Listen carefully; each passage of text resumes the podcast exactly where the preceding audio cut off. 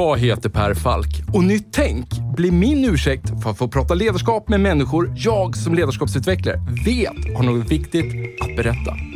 Och med tio avsnitt per säsong, varannan vecka, gräver vi därför ner oss i tekniker, principer och synsätt för att vi ska sätta fingret på vad som kännetecknar det ledarskap vi alla behöver se mer av. Och för att få de här samtalen att hända så har vi sponsorer. Först och främst min arbetsgivare Mindset där jag och mina kollegor tar fram både små och stora ledarskapsprogram som skapar de nya beteenden som behövs för att få er strategi att hända. Allt handlar om att noga identifiera moments that matters. Samt Promote, som är den självklara digitala plattformen för dig som vill skapa effektfulla lärresor och ett mätbart resultat i verksamheten. Och om ni vill ge era nya medarbetare en riktigt bra introduktion med en välkomnande och effektfull onboarding så tycker jag ni ska kontakta superproffsiga Induction. Ni hittar såklart länkar i avsnittsbeskrivningen. Nu hoppar vi in i samtalet och kom ihåg att det här är ett sammandrag av originalversionen. Enjoy!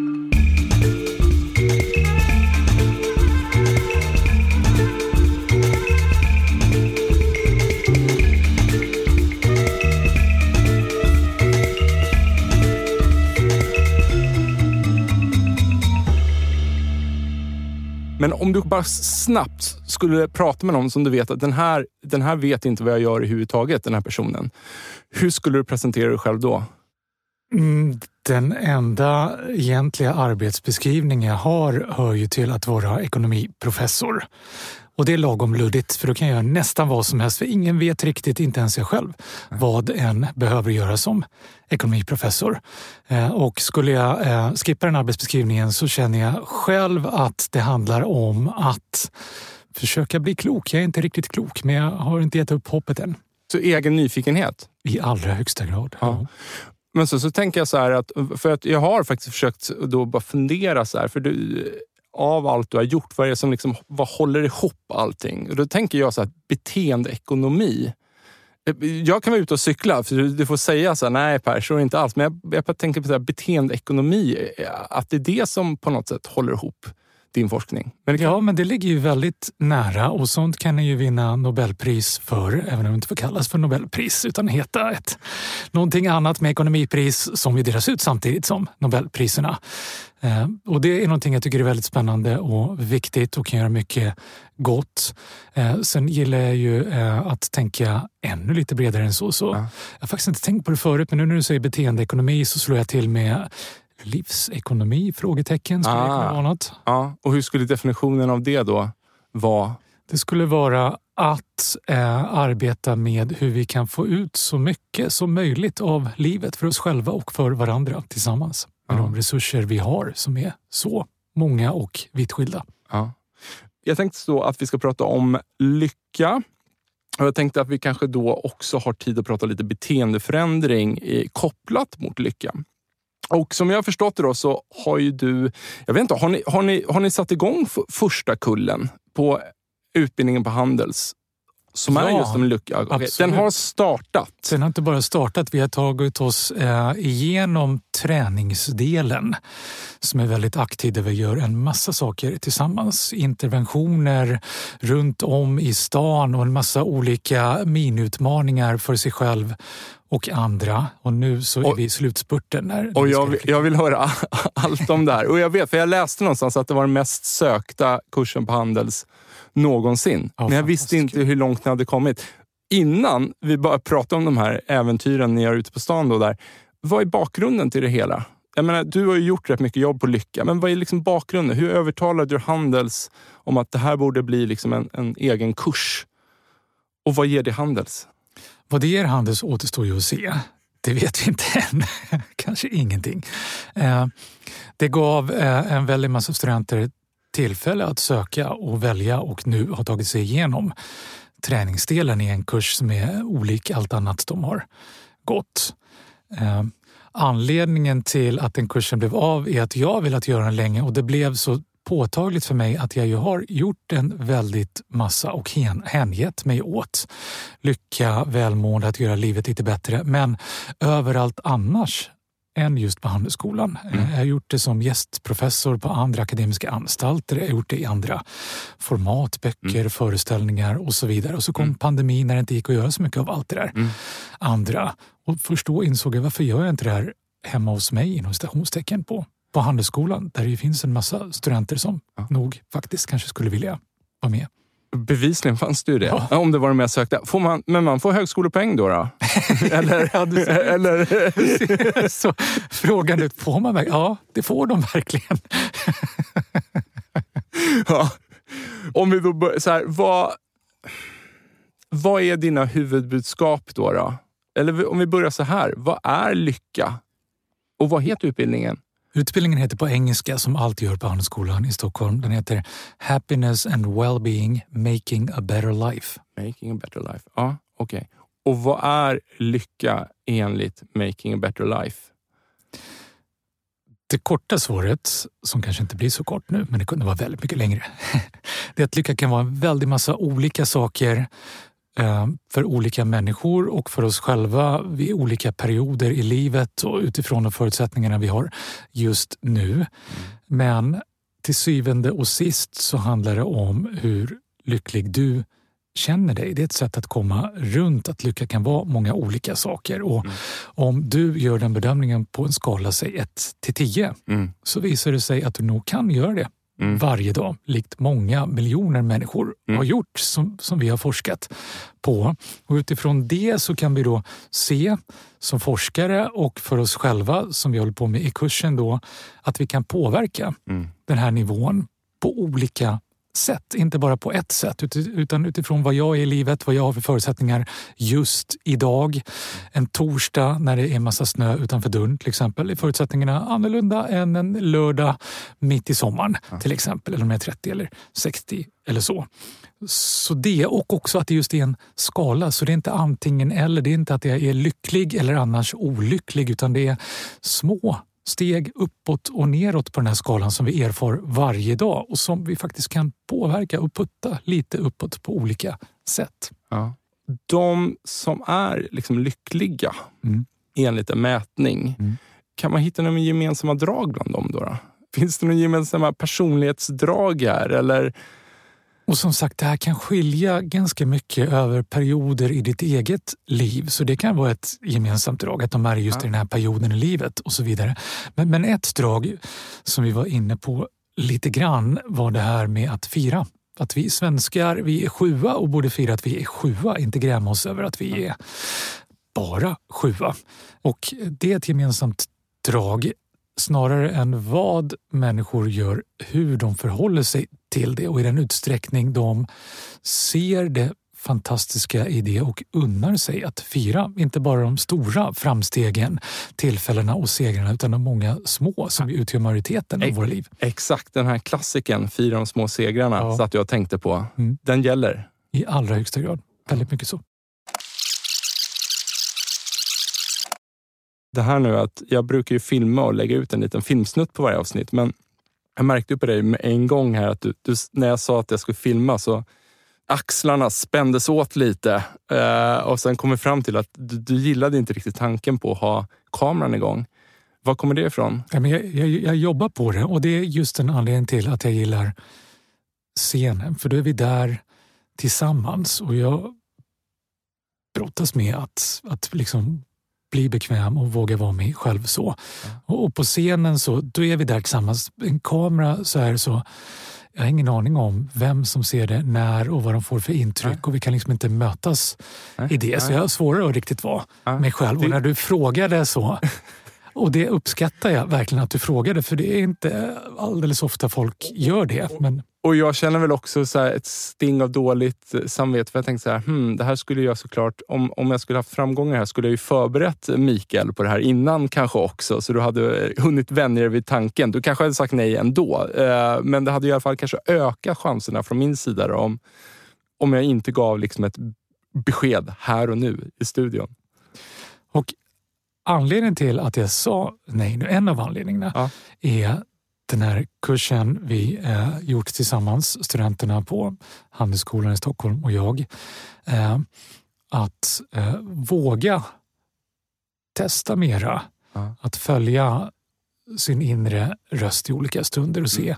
vad är det värsta som kan hända. Och jag har tänkt tanken flera gånger i poddstudior när det filmas och, och man sitter så inne i samtalet och så det, blir man lite, känns som smygfilmad nästan. Ja, ja. Inte helt bekväm med. Jag har aldrig sagt något tidigare och nu när jag fick chansen och så ligger det här långt fram i mitt medvetande. Nu ska jag bara prova och fråga, är det okej att vi inte Ja. filmar? Och du hade kanske sagt nej och nu var du så generös och Ja, men, så ja. Jag, vill ju, jag är ju såklart glad att du är här, men, men sen så vill ju jag skapa en sån, eh, återigen, det låter ju konstigt att säga mig, till dig här som är proffsföreläsare, skapa en säker miljö här i studion. Men det ser ju jag som mitt, eh, vad ska jag säga, mitt ansvar här som host. Men vi är Och- ju helt ärliga och Ja. det tycker jag är jättehärligt eh, och, och känner ännu mer så nu eftersom eh, vi pratar om det här och kameran är av och så. Så eh, jag kan berätta för dig att eh, i sociala medier, Ja. som jag tänker att det här skulle filmas till, så jag gör en hel del filmer som är fantastiskt kul att göra eh, och som får ganska bra spridning. Men det händer gång efter annan, till och med när jag har gjort en film som handlar om sociala medier-intelligens, Ja. att vi bör titta, läsa, tänka och sen kommentera. Till och med på det klippet Ja. Som Sveriges Radio la ut, det gjorde någon grej, så kom det ett helt gäng kommentarer som enbart handlade om mitt utseende. Ja. Ja. Eh, Jag har ingen aning om vad jag pratar om. Kunde en läsa mellan raderna. Men det där nagellacket, de där tatueringarna Ja. Ja. och så vidare. Alltså grejen är så här, jag trivs väldigt bra här i intervjuarstolen eh, här i studion. Eh, jag trivs inte så bra på den sida du sitter just nu. För att jag tänker så här, här har jag kontroll på samtalet när jag intervjuar någon. Men jag vill också bara säga liksom att den typen av kommentarer, jag, jag är alldeles för känslig. Jag skulle inte överleva det om det dök upp sådana kommentarer på mig på något sätt. Mm. Jag är liksom, det skulle bara gå rakt in i, i hjärtat. Har du någon strategi för att liksom bara lägga sånt åt sidan om det dyker upp? För, för du är ju lite halvoffentlig person. Ja, ja, men två delar i det. Det ena är att erkänna för dig, för alla som lyssnar och för mig själv Ja. att det känns för mig också. Ja. Det är jobbigt. Jag har brottats med det ända sedan jag var liten. Ja. Eh, Och den här lilla, lilla osäkra killen kommer fram varje gång. Så att inte försöka fly iväg från det och sen bara gå sönder för att det är så mycket uppdämt. Liksom.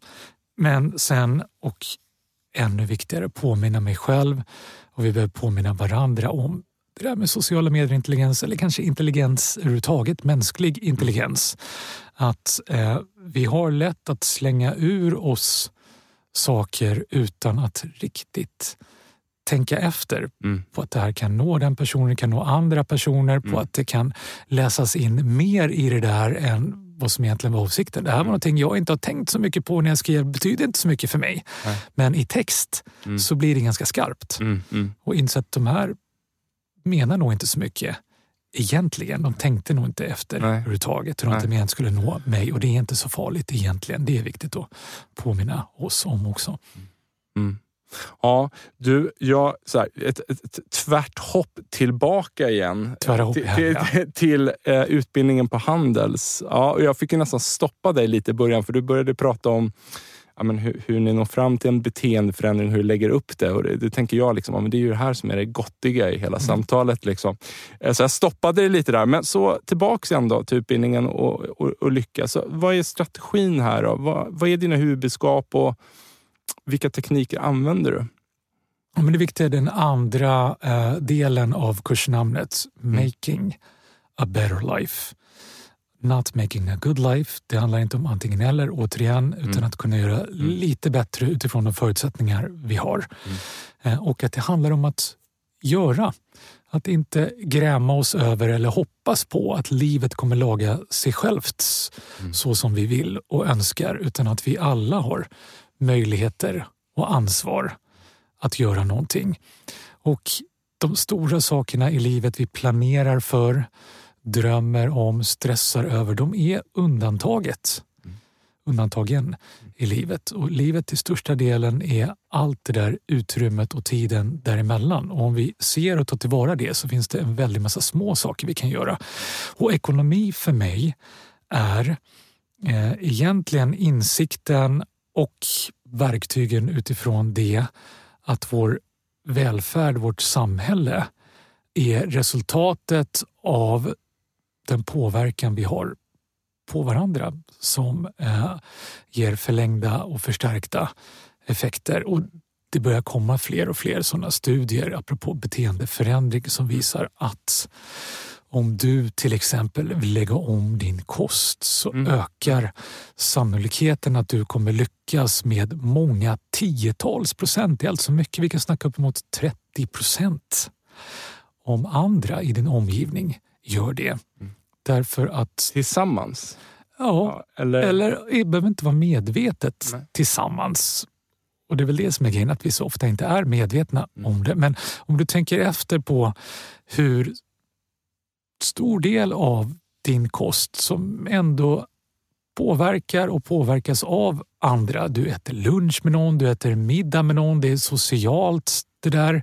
Det blir pragmatiskt i hur man liksom ska kunna koordinera och hantera allt det där. Så vi inse ganska snabbt. Det är sällan man sitter helt själv med en matlåda man har lagat helt själv varje stund på dygnet. så. Då blir det ganska klart. Vi behöver tänka på i stort sett allt mm. i våra liv. Mm påverkar vi och påverkas av andra. Det är till exempel därför eh, nyårslöften är så vanliga. Mm. För då hänger vi upp det på en tid när alla helt plötsligt är öppna för att göra någon mm. förändring. För det är svårt att göra en förändring alldeles ensam mm. när du lever ett liv som också hänger ihop med Är de effektiva då? Nyårslöftet?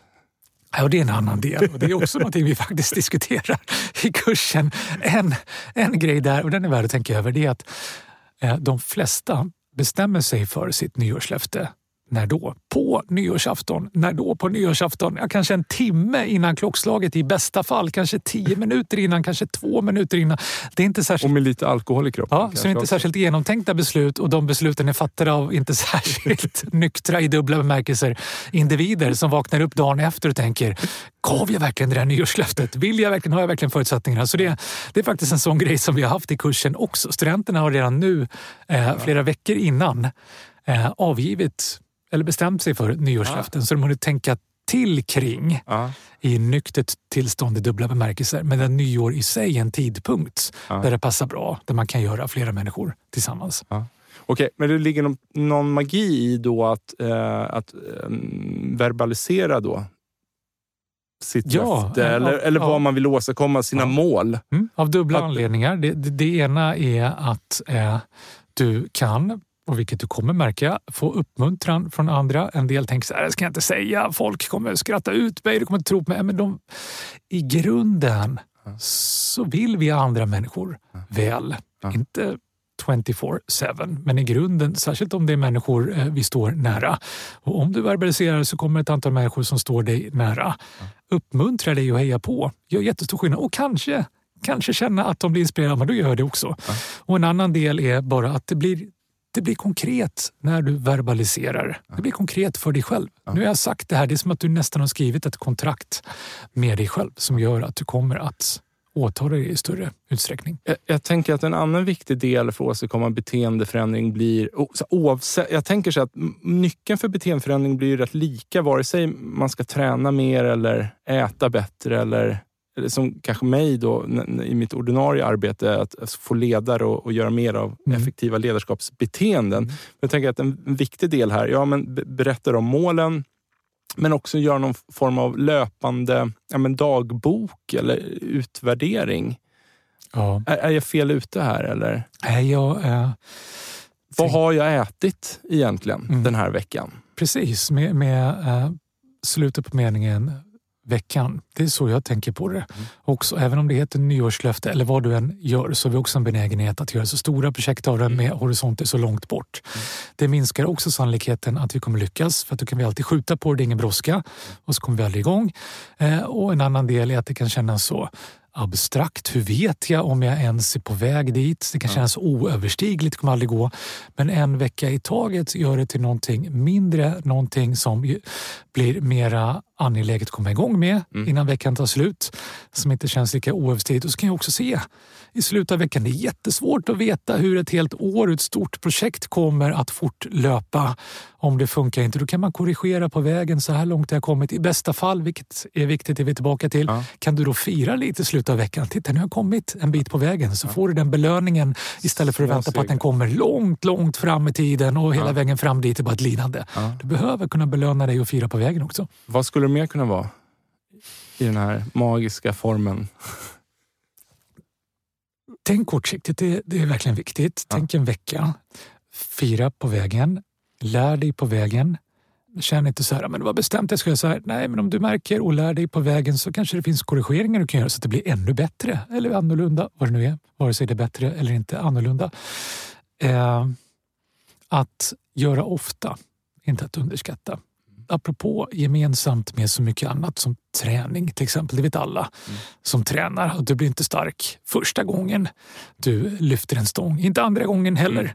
Mm. Eh, gör tio gånger, ja, då börjar hända saker. Men om du fördelar de tio gångerna på tio år, eh, då händer det i alla fall ingenting. Så du måste göra det ganska ofta. Mm. Och, och det gäller väldigt mycket i tillvaron. Gör det igen och igen och igen så blir det där som kändes onaturligt mer och mer naturligt. Och det är en jätteviktig del i all beteendeförändring att göra det till någonting naturligt som inte kräver jättemycket energi och tankemöda varje gång.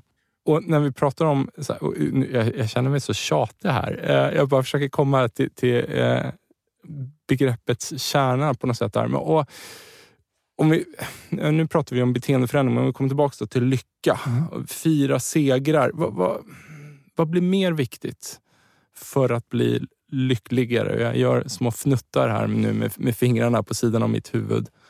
Ja, och, gillar... och, som vi då måste göra ofta. Ja, jag eh. gillar de där fnuttarna, eh, för jag brukar använda dem också kring verbet fira.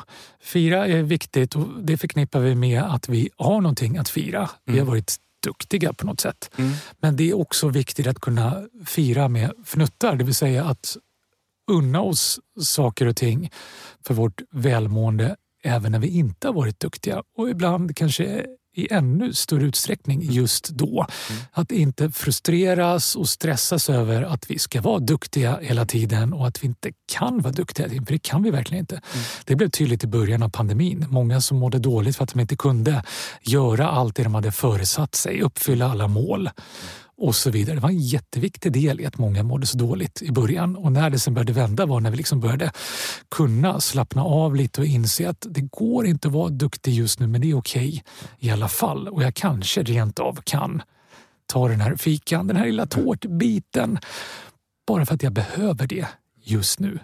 Men vad brukar du fira med då? Det... Är, är det ett riff nere i källaren? På en av gitarrerna? Eller? Ja, det kan vara härligt. Sen eh, är det ju hyggligt välkänt vid det här laget att jag gärna tar några skumtomtar. Vare sig det är jul eller inte. Okej, okay, det, har, det, har miss, det har missat. okay. En skumtomte smakar sällan så bra tycker jag som mitt under sommaren.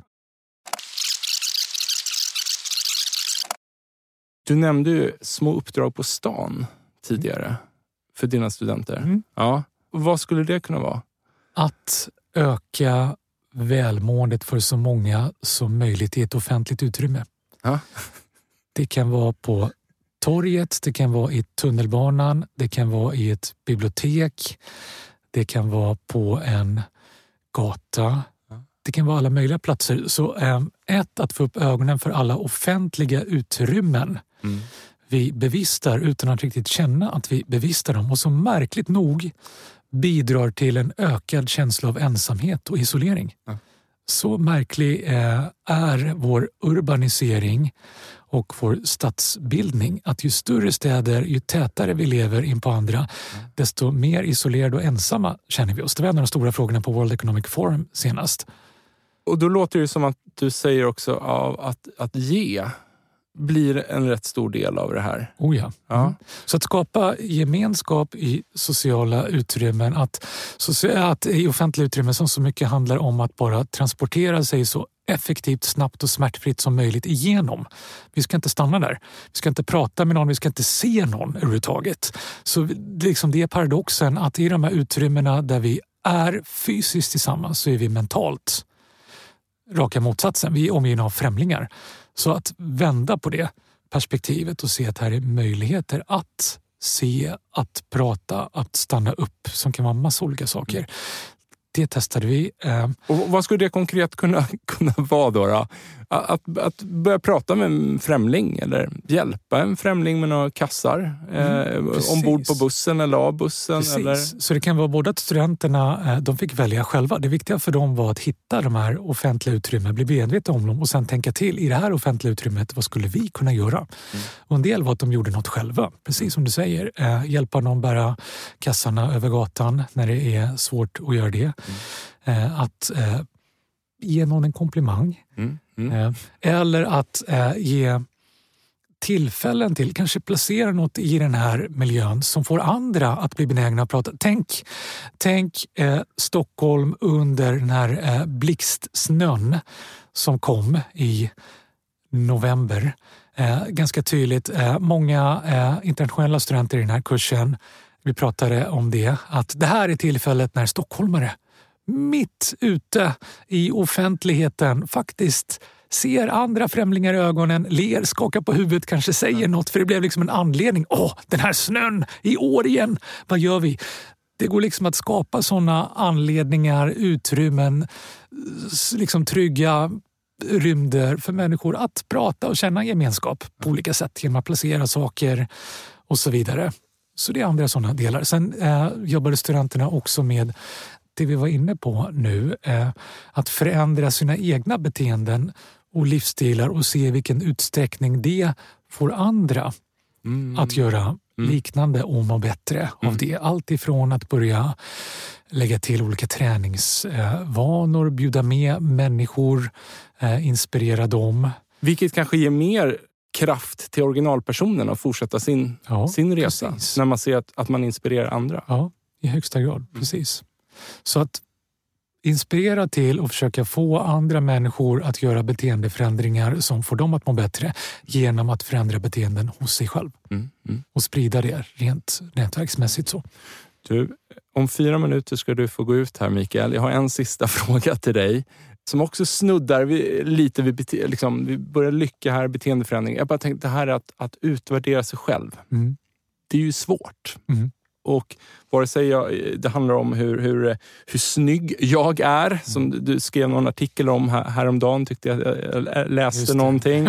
Att vi tror att vi är 24 procent snyggare än vad vi är. Det gjorde ont Mikael.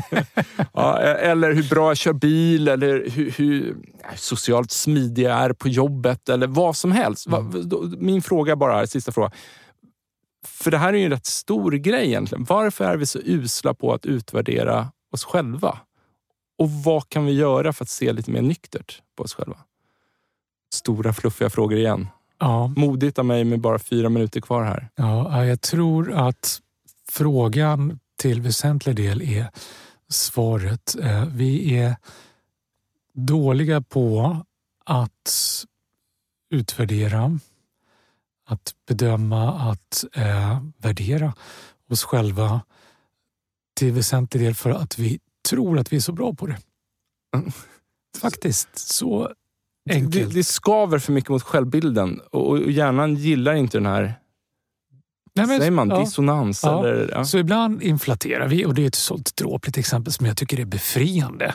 För, för, vi alla kan nog erkänna att vi överraskas när vi ser oss själva på bild och apropå att kameran är inte på här nu, det känns väldigt skönt. Eh, men då är det också skönt att veta att det gör alla. Det är naturligt, vi, vi funkar så. Liksom. Så det är väl en del. Men många gånger är det också att vi kanske dömer oss själva för hårt för att vi återigen eh, har den här tendensen att tänka... Så det slår åt båda hållen? Mm. Helt enkelt. Precis så. Vi, vi har svårt att vara mittemellan. Vi, mm. vi rör oss alldeles för snabbt mot extremerna, mot det här 0-1. Mm. Vad kan vi göra då? En minut kvar här, Mikael. Tänka lite mera kring det där. Inte tänka mera kring mitt utseende, men tänka lite mera kring min benägenhet ja. att se mig själv utifrån att värdera mig själv. Varför gör jag det? Vad fyller det för funktion. Ja. Och utifrån det börja se andra saker. Det här, ma- man vet inte vad man inte vet. Ja, precis så. Stort tack för att du kom Mikael. Jag är Tack så snälla. himla glad. Och som vanligt så lägger jag in länkar till dina böcker direkt i podcastbeskrivningen här. Tack för det. Hej! Hej. Klara. 13-14 till och med. Ja. Vilket jäkla superproffs du är. Ja, men, eh, ja, så jäkla roligt eh, att, att prata om dig, eh, med dig. Eh, och jag har eh, ja, men så, många, så många frågor. Men jag hoppas du inte tyckte det blev för forcerat. Nej, jag älskar Men det. Jag tycker ville det är bra. försöka Jag tycker det är liksom superbra. få någon tvärslå igenom eh, tycker det är skitbra. rubbet. Ja. Nej, men det är verkligen superproffsigt och samtidigt